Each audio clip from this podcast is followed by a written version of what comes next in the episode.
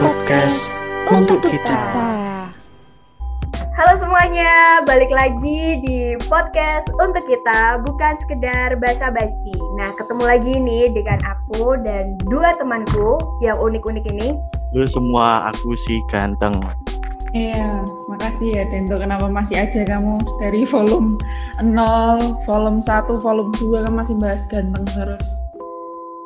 Kenapa iri ya? Gila kalau iri.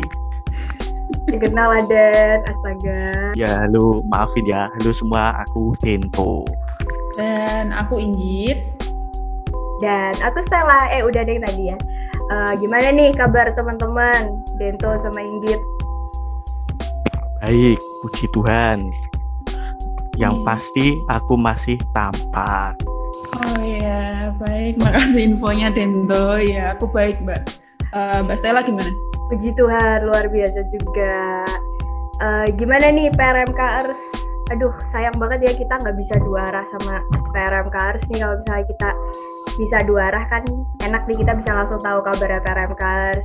Kami harap di sini PRMKers yang menyaksikan podcast ini tetap dalam keadaan yang sehat, bahagia, walaupun di tengah situasi pandemi seperti ini, tapi semoga tetap sehat-sehat semuanya ya. Terus jangan lupa tetap stay at home, tetap jaga prokes, dan dengerin podcast ini tetap hmm, juga harus dalam keadaan bahagia. Oke, jadi emang kita tahu banget nih keadaan lagi genting banget gara-gara virus corona. Tepatnya kita di sini terbatasi dengan PPKM yang udah level 1 sampai 4 udah kayak Ricis Factory aja ya guys ya. Wow. Wow. Bener gak Den? Situasi semakin genting tuh Den. Yoi, bener banget nih. Apalagi di daerahku nih. Apa kasusnya lagi naik ya. Jadi aku berpesan sama teman-teman PRMKers untuk apa ya? Kalau dulu 3M, sekarang mungkin 5M gitu. Apa tuh? Apa tuh 5M? Apa tuh 5M? Apa ya? Mencuci tangan. Dua. pakai masker, Oke. menjauhi kerumunan, Oke. terus mengurangi mobilitas, Oke, terus? menjaga jarak gitu. Oke. keren. Ternyata- Ternyata ada baru ya 5M. Oke, ternyata selain PPKM yang ada levelnya itu tadi udah kayak apa aja udah kayak game aja ya ada levelnya Riches Factory ada level 1, 2, 3 eh ternyata ada 5M juga guys dari Profesor Dento mantap. Nah, iya. Nah kita kita mau ngapain nih? Kita di podcast kali ini kita mau ngapain nih guys? Jadi di podcast kali ini kita mau ngebahas topik yang udah di-spill di volume sebelumnya. Yaitu kita akan ngebahas mengenai sejarah PRMK Undip. Yeay. Nah, bener banget sejarah dari PRMK Undip. Jadi mungkin teman-teman yang udah lihat Instagramnya PRMK Undip kan banyak banget tuh ya kayak mini games mini games gitu ya. Terus kemarin tuh aku ingat banget tuh Git, Den, kita uh, ada pertanyaan gini di apa Instagramnya PRMK Undip. Ada yang tahu nggak sejarahnya gitu? Ternyata banyak yang nggak tahu Hmm. sejarahnya PRMK Undip itu apa. Iya. Nah, maka dari itu kami dari tim podcast untuk kita bakal uh, jelasin sejarah dari PRMK Undip buat PRMK. Tapi tentunya kalau misalnya kita bertiga kayaknya nggak tahu juga ya sejarahnya. Iya. Ya, maka dari itu kita di sini ada yang beda nih. Kita punya tamu spesial yang Aduh, yang istimewa banget. Nggak pakai telur. Uh, siapa tuh? Karetnya dua. wah. Siapa tuh? Siapa siapa? Siapa, Siapa ya? siapa? Nah, kita kedatangan the one and only Mas Army. Yeay. Yeay. Mas Armi siapa ya? Ya, Wah, gimana ini Dan? Parah banget sih. Eh, kemarin kan kemarin waktu upgrading internal udah bincang-bincang sama Mas Army. Ah, kamu nih sumpah deh nggak ini deh, nggak nggak merhatiin nih Dento. Maaf toh, maaf. Nah, jadi mungkin aku ngasih eh, pengantar singkat nih ya sebelum kita kenalan dulu sama Mas Army. Eh, kamu nyapa dulu deh Mas Army. Gimana nih? Halo kabarnya Mas Army? baik, sehat, puji Tuhan. Puji Tuhan. Di Semarang ya Mas Army ya? Mana? Di Semarang sekarang. Hmm, ya di, rum di rumah di Semarang ya. Oke. PPKM PPKM darurat level 4. Level 4. Itu berarti kalau Ricis Factory udah ah, paling pedes ya. Nah, jadi buat nih apalagi buat Dento nih yang tadi Mas Armi siapa sih? Oke, Mas Armi itu adalah salah satu alumni dari PRMK pengurus PRMK Undip yang saat ini statusnya udah ya itu tadi jadi alumni gitu ya. Alumni juga yang menjadi alumni panutan buat kita gitu. Ya nggak Mas Armi? Nah, jadi eh, untuk Ya. lebih lengkapnya nih tapi ya eh, gimana kalau kita kenalan langsung aja nih sama Mas Armi? Ya, halo eh, PRM ARS. Eh, salam kenal, nama saya lengkapnya Joseph Armi Sadioko, biasa dipanggil Army ya. Saya juga eh, bukan berarti penggemar BTS ya, karena beberapa orang bilang ini nama reka-rekaan ini, nama BTS. Aduh, uh, uh, dipopulerkan oleh BTS ya. Terima kasih saya dapat banyak uh, dukungan ya selama ada BTS Meal, kemudian ada kemarin berbagi dengan Gojek ya. Terima kasih ya sudah dipopulerkan ya berulang kali. Uh, itu ya itu hanya uh, apa ya juk ya hanya candaan saya kebetulan namanya populer gitu aja. Uh, saya alumni Undip ya. Uh, saya menyelesaikan studi S1 di tahun 2014 uh, tahun masuknya di 2010 kalau nyebutnya berarti tahun masuk ya angkatan 2010 uh, dari Fakultas Ilmu Budaya jurusannya Ilmu Sejarah. Uh, saya lulus 2014 kemudian uh, lanjut studi sempat uh, berniat untuk belajar lebih lebih apa lebih dalam lagi saya melanjutkan studi. Uh, puji Tuhan di tahun 2015 uh, selang satu tahun setelah lulus saya ada kesempatan studi lagi. Saya lulus uh, strata 2 juga di alma mater yang sama itu di tahun 2017 ya, jadi uh, tidak terlalu lama tetapi juga ya bikin kantong kembang kempis karena bayar kuliah sendiri ya. Saya bekerja uh, sebagai guru ya guru sejarah di SMA Kolese Loyola. Uh, saya punya pengalaman setelah lulus di 2014 uh, sebagai jurnalis di salah satu harian uh, surat kabar terbesar di Jawa Tengah. Uh, selama tujuh tahun di sana dan uh, pernah uh, menempati posisi sebagai jurnalis olahraga. Kemudian pernah juga dapat litbang terus ngopeni arsip juga ya. Karena bidang saya sejarah dikembalikan lagi ke arsip tapi hanya sebentar. Kemudian turun lagi ke lapangan sampai saya memutuskan untuk mundur posisi saya masih di wartawan olahraga. Ya, jadi uh, orang sejarah ya kerjanya belajarnya olahraga ya. Ini yang uh, apa namanya uh, menarik buat saya tantangan karena saya memang suka dengan dunia olahraga juga. Maka passion saya juga bisa tersalurkan untuk tulis menulis terkait dengan olahraga. Uh, PRMK dulu menjadi anggota hmm, ya pengurus gitu ya anggota sejak maba ya.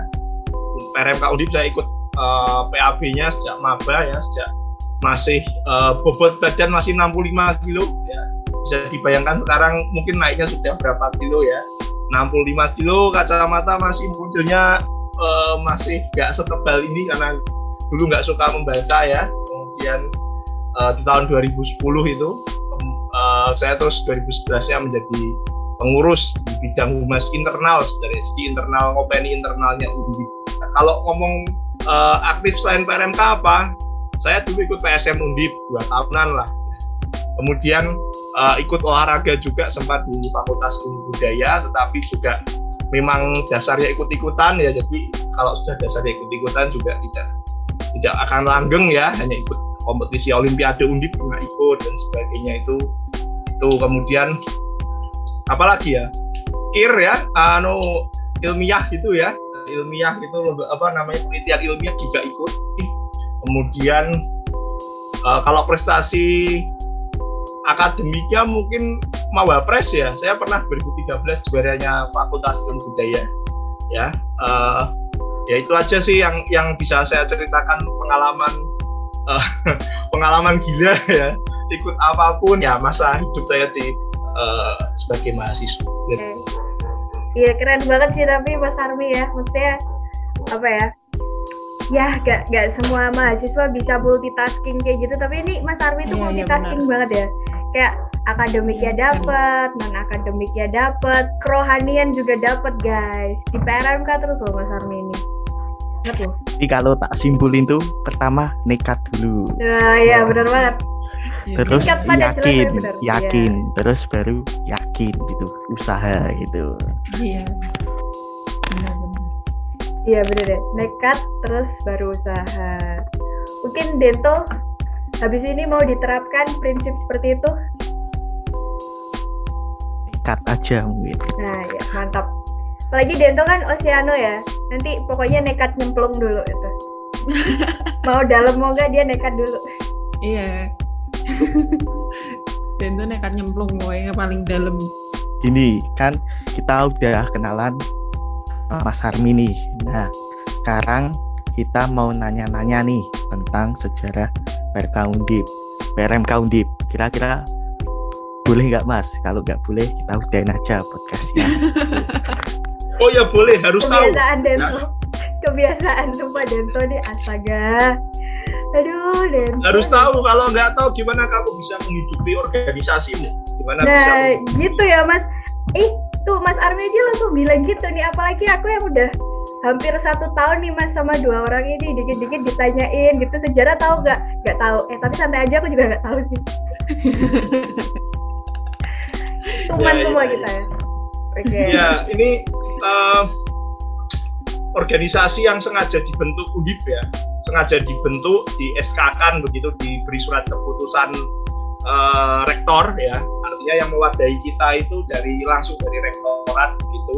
Nah dari penelusuran arsip yang bisa saya lakukan ketika masih menjabat sebagai humas itu saya masuk ke bagian rumah tangga dan tata usaha dan rumah tangga rektorat itu letaknya di gedung Widyapura ya di tahun 2014 awal ya bulan-bulan Januari begitu. Ya, musim penghujan waktu itu ya saya masuk minta bantuan. Sebenarnya ini juga nakal sih minta bantuan di tingkat saya yang kebetulan eh, semacam magang begitu magang arsip ya. Eh, magang arsip eh, eh, kebetulan juga anak sejarah juga S1 angkatan 2011 begitu bahwa saya setahun magang arsip memang dapat bayaran karena uh, Undip waktu itu memang membuka kesempatan untuk uh, sis- mahasiswa ya yang butuh tambahan uang gitu untuk bantu bagian arsip ya utamakan D3 Karsipan dan D1 sejarah adik tingkat saya itu membantu saya untuk bisa membuka semua dokumen yang terkait dengan kegiatan UKM unit kegiatan mahasiswa. Saya mulai mencari ya PRMK itu sebut pertama kali tahun berapa mulai tak buka tolong puluh kok belum. Waduh kak ini ono tenan iki. Saya mulai penasaran mulai makin eh, mencari-cari waktu itu. Sekitar seminggu. Jadi satu hari nggak ketemu. Ya sudah eh, karena belum digital seperti sekarang cari arsip itu bagi sejarawan seperti saya itu kalau masih model manual itu wah ya jangan tanya kamu bisa berhari-hari. Maka kalau ngomong sejarah itu masuk kayak kandang eh, masuk itu kayak kandang merpati ya. Jinak-jinak merpati keluarnya kandang macan ya. Karena memang keluarnya lama tidak bisa dapat sumber nulis skripsi tesis ini yang mengerikan ya. Susah sekali cari arsip. Ya seminggu saya. Seminggu itu baru eh, lintas sampai karena Jumat kan setengah hari Sabtunya libur eh, Minggu Senin Selasanya saya lanjut lagi ketemu Senin Selasanya baru ketemu. Itu baru tak foto dan sebagainya pakai kamera pribadi saya. Ya kamera pocket gitu ya masih ada. Eh, masih utuh bisa dibaca dengan utuh. Masih saya simpan di hard disk eh, eksternal saya. Jadi kalau butuh bukti saya punya. Itu aja secara hukum. Ya. Eh, itu biar Stella yang nanti menjelaskan secara hukum ya. Intinya kalau surat keputusan rektor itu dari eh, almarhum Prof. Muladi yang kemarin eh, ya kita ber- berduka cita ya karena Prof. Muladi eh, sudah eh, berpulang ya eh, salah satu pegawan hukum Indonesia ya dan menteri juga ya menteri hukum dan ham juga ya dulu ya masa orde baru. Ya Prof. Muladi itu menandatangani surat Ekspektor bertanggal 5 Mei tahun 1995 itu penyebutan pertama yang bisa saya temukan nyebut PRMK Undip yang kemudian pengurusnya itu diambil dari tiap fakultas. Ya, kalau kita nyebutnya presidium mungkin ya, itu masih ada ya tahun 95. 5 Mei tahun 1995 itu umum uh, nyebut bahwa itu UKM uh, bidang kesejahteraan mahasiswa terus kemudian turunannya adalah uh, bagian kerohanian Katolik. Jadi uh, subnya adalah di bidang kesejahteraan. Kesejahteraan itu uh, ya insani ya Islam kemudian dan ada koperasi ya. Cuma itu juga masuk bagian kesejahteraan. Nah itu diakui di masa itu. Kemudian uh, pendampingnya ada tiga. Se sembacaan saya yaitu uh, Prof A Gunawan Setiarja. Kemudian ada Pak Giarto, ini Pak Giarto ketemu bahkan jadi pendamping saya ketika uh, pengurus di tahun 2011. Ada Romo mahasiswa dari Serikat Yesus ya, uh, namanya Promo Pramugyatara. Dia ada tiga pendampingnya. Ketuanya dari FK Undip, namanya Dani Wijaya. Nah, terus secara legal administrasi lengkap semua fakultas ada semua sampai vokasi teknik pun juga masuk ke pengurusan. Di sekitar ada ya 10 sampai 11 fakultas tahun 95 itu yang bisa saya runut dan itu sah secara hukum. Masih itu pencariannya itu ya mas. Dasarnya kenapa Pak Mas Armi atau kemudian uh, saya mau ikut mencari ini? Karena saya berpikir bahwa ke depan akan butuh legalitas butuh dasar. Saya harus mencarikan sesuatu memberikan sesuatu untuk kemudian uh, eh, PRMK ini tetap eksis atau nanti suatu ketika kalau ditanya kamu dasarnya apa? Ada buktinya. Itu pandangan gila saya waktu itu. Saya cari aja tetap akhirnya dan itu yang yang jadi pedoman kita. Kalau ditanya PEM ditanya bagian senat tenang aja jawab. Ini buktinya bukti dasar kali awal legal legalitas kita ya, tahun 95 sama PRMK Gila sih 95 itu. tuh tahun 95 udah ada PRMK Undip kita aja belum lahir tuh mas tahun situ. Gila tua banget ya berarti PRMK Undip ini. Saya awalnya malah mikirnya adanya waktu itu pernah ngobrol-ngobrol kan sama korpus yang tahun ini juga. Pikirnya kita nggak nyampe lah kalau tahun 90-an paling tahun 2000-an gitu kan. Iya. Yeah. waktu itu ada kita, kita bahkan ternyata kita iya bahkan mikirnya mungkin ya nggak jauh-jauh dari Mas Armi kali ya. Mungkin tahun 2008 2007 gitu. Aku pikir tuh awalnya ya kalau iya, aku iya, iya. aku pribadi aku pikir Mas Armi itu salah satu penggagas ya PRMK Undip gitu. Ternyata tahun 95 guys dulu tuh ketika awal-awal tahun didirikan PRMK Undip gitu mas itu uh, tanggapan masyarakat Undip gitu secara terbuka gimana sih? Uh, maksudnya tanggapan dari masyarakat sekitar tuh dulu gimana waktu awal didirikan itu? Apa Mas Armi udah tahu kira-kira apa langsung diterima secara oke okay, atau mungkin ada kayak beberapa kendala atau polemiknya gitu Mas uh, sebelum PRMK itu kemudian difasilitasi oleh kampus ya oleh Undip itu dulu kan aktivitasnya semua yang namanya kegiatan mahasiswa kan ke Wisma Mahasiswa Biarkara di Jalan Dr. Cito nomor 238 itu kandangnya PM Kri ya uh, dulu kandangnya PM Kri kemudian sempat 2013 off sampai kemarin 2021 baru hidup lagi uh, tempatnya dihidupkan kembali oleh Kusuma Agung Semarang nah pusat kegiatannya sejak bahkan sejak tahun 50-an ya sejak kita uh, apa namanya masuk ke era orde lama itu di situ kegiatan mahasiswa. Ya mahasiswa awal-awal undip baru mulai diambil dari uh, nama Diarkara ada seorang pastor Yesuit ya. Filsuf juga filsuf pendidikan di Indonesia juga dan tangan kanannya Presiden Soekarno ya terkait dengan kebijakan pendidikan di Indonesia.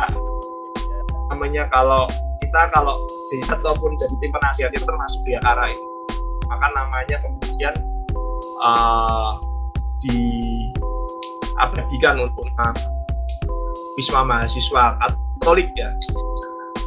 Cara bagaimana politik kampus mulai mulai jalan di sana untuk kemudian mencoba mengontrol gerak mahasiswa yang berafiliasi ke agama memadai dalam bentuk kesejahteraan dan rohani dan sebagainya itu pandangan saya sih artinya negara melihat bahwa mahasiswa dalam konteks uh, aviasi agama ini juga berbahaya juga untuk uh, keteraturan dan ketertiban di masa Orde Baru di era tahun 90-an.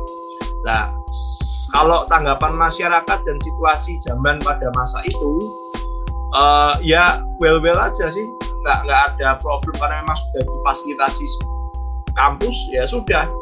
Rektorat mendukung ya sudah nggak ada pertentangan, nggak ada perlawanan, bahkan uh, beberapa cerita dari teman-teman uh, sejarah bahkan uh, yang kemudian di Fakultas Sastra ya itu beberapa aktivis-aktivis tahun 98 itu juga orang-orang ya Katolik juga yang ikut terlibat tetapi memang tidak langsung bergabung ke uh, PRMK Undip ya pada waktu itu tapi mereka lebih independen ikut dalam organisasi BEM, Senat dan sebagainya. Uh, jadi saya kira kok lebih cair ya posisinya tidak seketat zaman sekarang. Tapi memang politik kampus bermain di situ untuk kemudian meredam gejolak di era orde baru. Itu uh, interpretasi saya sebagai sejarawan di masa era 90-an itu ketika PRK kenapa dibangun dan dieskakan oleh almarhum Prof. Muladi? Saya kira salah satu jalan salah satu uh, ide ide besarnya adalah untuk mengkontrol mahasiswa yang berafiliasi ke agama tadi yang saya sudah ceritakan ke Inggit dan Indo itu sih uh, Stella saya kira itu bisa menjawab pertanyaanmu. Oke, keren banget sih tapi digagas sama Prof Muladi ya berarti kita ada udah ada landasan hukumnya guys. Jadi mungkin in, tapi ini tadi bisa jadi insight juga nih buat teman-teman PRMKers kalau emang PRMK Undip itu emang memiliki legalitas gitu ya. Di Undip kita udah punya uh, tadi ada surat dari penggagasnya, penggagasnya pun juga merupakan Prof. Muladi gitu ya. Dan kita juga udah uh, didirikannya emang udah sama dulu sama Insani berarti ya mas. Kayak Insani terus kayak yang organisasi-organisasi keagamaan lainnya dan puji Tuhan ternyata uh, tanggapannya warga Undip ternyata baik juga gitu ya puji Tuhan sampai sekarang pun ya walaupun kita tergolong minoritas ya cuman ternyata banyak juga yang masih peduli juga gitu sama PRMK mungkin dari Inggit sama Dento ada apa pertanyaan lain buat Mas Armi? Oh, oke oke, okay. aku aku aku mau coba tanya ya kalau misalnya kan itu pas zaman 95 nih tadi. Kalau yang sekarang aku mau tanya ini dinamikanya waktu zamannya Mas Armi berarti 2000 berapa tuh? Maksudnya pas zamannya Mas Armi masih menjadi anggota dan menjabat pengurus PRMK Undip itu berarti tahun berapa tuh Mas? ya 2010 2011-an ya masuk ke 12 ya kalau pengurus 11 12 berarti Iya, itu uh, kalau berarti 2010 sampai 2012 tuh dinamikanya kayak gimana sih Mas di tahunnya Mas Tani? Uh, kalau itu masih kuat ya, masih jaringannya masih bagus. Uh, regenerasinya dari senior juga masih ada, masih aktif. Uh, kegiatan kumpul juga sering karena diwadahi oleh kampus per kampus juga ada wadahnya jadi penghargaan apresiasi dan kemudian eksistensi kita di masih diperhitungkan di sana dan dianggap punya suara juga terutama di fakultas saya eh, PRMK FIP itu ketua senat sampai ber bertahun-tahun ya sampai uh, sampai angkatan 2013 bahkan ketua BEM-nya dulu juga dari PRMK UDIP eh PRMK sorry PRMK FIP ya bukan Undip ya jadi punya punya warna tersendiri kalau di uh, sastra. Contohnya seperti di kampus lainnya juga sama. Jadi, memang masih kuat ya ikatan uh, intelektualitasnya masih kuat perannya masih ada. Kemudian organisat uh, organisatoris juga karena ikut BEM ikut senat ikut demo juga teman-teman saya banyak yang uh, warga PRMK uh, Undip maupun PRMK di tiap fakultas yang sudah ikut partisipasi sebagai uh, aktivis atau penggerak juga macam-macam ya uh, perannya mereka sesuai dengan uh, bidang keilmuan yang mereka kuasai itu yang uh, uh, yang saya lihat ya waktu di masanya uh, saya sebagai maba kemudian mahasiswa itu masih ikatannya masih kuat sekali. Wah, keren sekali. Ini Mas, kembali lagi ke PRMK ya Mas. Nah, ngomong-ngomong tentang PRMK nih Mas. Kenapa sih apa memilih Santo Bonaventura sebagai pelindung PRMK Mungkin ada nilai hidup atau teladan yang bisa dicontoh sebagai mahasiswa gitu kami mahasiswa gitu. Mas kira-kira apa? Uh, jujur Bonaventura ini tak urutin begitu ya dari cerita-cerita senior gitu. Itu sebenarnya dipilih itu uh, kalau merunut waktunya itu itu sekitar tahun pengurusan 2005 pembuka awal tahun itu dekat ke 15 Juli. 15 Juli tahun 2005 ya yang bisa saya runut ya dari cerita lisan beberapa senior yang sempat saya temui. Nah, di tanggal 15 Juli itu persis pesta namanya satu Benaventura ya. dan ya otak atik gatuk ya Benaventura itu punya kaitan dengan dunia pendidikan ya. Salah satunya dia eh, bahwa pendidikan itu eh, sempat beberapa senior cerita gitu kalau dalam pandangannya Bonaventura itu adalah pendidikan yang pertama adalah kamu mendidik individu secara personal. Kemudian kamu ikut uh, mendidik sesamamu ya berbagi pengalaman uh, mengapresiasi karya dan sebagainya. Dan kemudian pendidikan yang terakhir adalah kesadaran diri kita bahwa kita makhluknya Tuhan.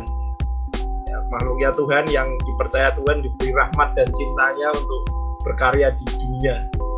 Jadi uh, pandangan filosofis pendidikannya ini yang kemudian akhirnya uh, PRMK UI menggunakan pelindungnya Bonaventura. Ya, dan ditepat-tepatkan aja 15 Juli. Waktu itu kan uh, tahun ajaran baru di, di tahun itu kan tidak ber, tidak mulai uh, seperti sekarang ya di bulan September atau Agustus. Tapi Mei ya kemarin seperti SK-nya aja kamu di tahun 95 uh, jalan sampai tahun 2000 tahun ajaran baru sekitar bulan hampir sama seperti uh, sekolah ya sekolah menengah atas sekolah pertama masuk itu waktunya hampir sama adalah pas bisa perdana itu 15 Juli sekalian disorongkan itu Bonaventura. Jadi uh, ya pilihannya tidak salah tetapi kemudian um, pemaknaannya ini yang mungkin pemaknaan kita memilih Santo Bonaventura di tahun 2005 itu? Itu seperti itu ceritanya. Jadi uh, keterkaitannya hanya lisan saja sih karena memang pengurus waktu itu Mas Chris uh, Tunjung Chris ya itu kan sudah meninggal dunia juga sebelum anak hukum ya. Uh, tahun 2007 ketika uh, itu sudah tahun ketiga atau keempatnya Mas uh, Mas Tunjung ya itu di sebelum wisuda itu uh, ada sakit paru-paru kemudian meninggal ya. dan Mas Tunjung itu yang menghidupkan PRMK Undip ya dari uh, aslinya anak hukum ya angkatan 2004 atau 2003 gitu kemudian 2007 nya ya Tuhan memanggil begitu meninggal dan mewariskan jaket mewariskan uh, salib dan sebagainya sebagai uh, PRMK yang sudah terbentuk sejak era tahun informal itu dihidupkan oleh uh, Mas Wisnu ya Hendrikus Wisnu Widiawan sekarang lagi tahun uh, pendidikan tingkat 2 MSF di Kentungan ya. Itu dulu uh, alumni FEB uh, akuntansi kemudian uh, bekerja dan kemudian ikut uh, baru ya tahun ke ya pokoknya ini tahun kedua belajar untuk menjadi seorang pastor ya dari kongregasi MSF nah itu yang bisa bercerita banyak dengan saya dan punya hubungan baik juga. Sering kontak saya juga sering mengunjungi juga kontak-kontak personal ke adiknya juga pengurus RMK ya. Uh, uh, Adit ya ada Jati itu juga FPB angkatan 2011 itu uh, ya kakak beradik ini yang kemudian juga dengan saya itu menghidupi uh, arena sepi dan sunyi di PRMK mereka di situ iya iya Oke, Mas, ini aku aku mau balik lagi deh ini ke seputar PRMK Undip lagi di. Uh, mungkin tanya nih ya Mas, uh, terakhir mungkin gimana sih PRMK Undip di pandangan Mas Armi? Menurut Mas Armi itu PRMK Undip itu apa gitu? Mungkin ya karya kita selama di Undip itu yang saya pikir jadi apa namanya jadi jadi jiwanya ya. Saya baru sadar oh ya mungkin dulu tidak tidak apa namanya tidak bisa me, menjelaskan itu dengan baik. Baru dengan Mas Wisnu beberapa waktu yang lalu saya ketemu di kentungan itu baru bisa menjelaskan oh iya ternyata nilai atau pesan yang disampaikan itu itu ya bahwa ya walaupun tadi bilang minoritas ya kreatif minority ya orang uh, minoritas yang kreatif itu yang kemudian uh, bergerak itu menghidupi nilai-nilai jalan-jalan Yesus di lingkungan kampus ya.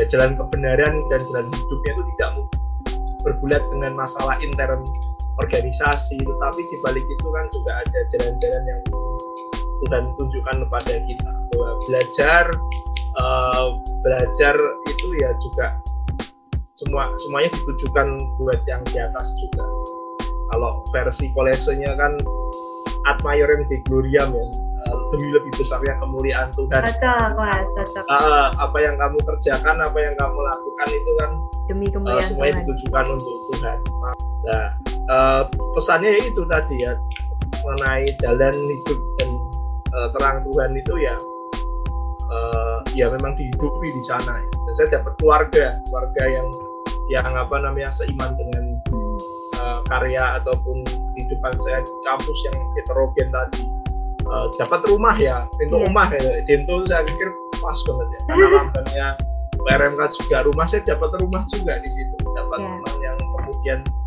seiman baik uh, saling mendengarkan kita diikat dalam suatu peristiwa liturgis yang sama.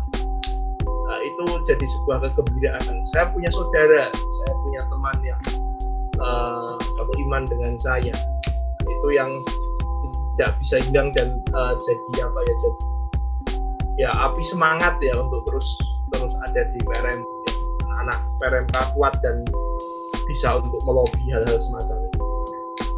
Iya, itu keren banget sih mas. Aku tadi meng-highlight keluarga dan uh, rumah ya sesuai sama logonya. Jadi logonya podcast untuk kita ini juga rumah. Jadi emang kita uh, eh, PRMK tuh emang selalu pingin apa ya, yaitu tadi balik ke rumah gitu ya, rumah-rumah seiman, saudara seiman gitu. Tapi keren banget uh, mulai dari maknanya. Tadi bener banget makna PRMK Undip itu apa, terus pesan dan kesannya, pesan dari Mas Armi juga untuk selalu istilahnya uh, memperjuangkan itu tadi jalan kebenaran ya sesuai sama ah. Sesuai sama uh, motonya PRMK Undip seperti itu karena itu yang menghidupi kita sebagai uh, umat beriman terlebih yang memang mendalami jalan Kristus gitu ya. Waduh, religius sekali saya kan. Mungkin inggit sama Dento yang udah tahu asliku kayak gimana ini dalam hati kayak apa sih Stella? Aduh. Enggak, enggak. Kan kamu yang sebenarnya kan itu yang mau mau ngelanjutin buat ke susteran kan kayaknya kamu ya, Bu. Ya, mohon, mohon doanya ya. Aku mau kenalin ini sih, moto hidup ya Dento. Apa Den? Moto hidupmu Den?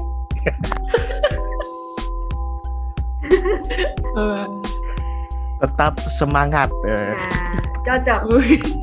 iya, itu cocok ya tadi PRMK sama uh, moto Dento eh moto Dento moto ya Dento selama ini cocok banget sama yang pesan-kesan yang udah dibilangin istilahnya tetap belajar tetap menemukan esensi diri kita tetap semangat ya Den Oke, okay, kalau gitu ya jadi karena udah kejawab semua pertanyaan hari ini, uh, harapannya adalah podcast untuk kita pada episode kali ini bisa bermanfaat nih buat KRMKers, nama pengetahuan tentang sejarah dan juga seluk beluk langsung dari alumni-nya PRMK Undip sendiri.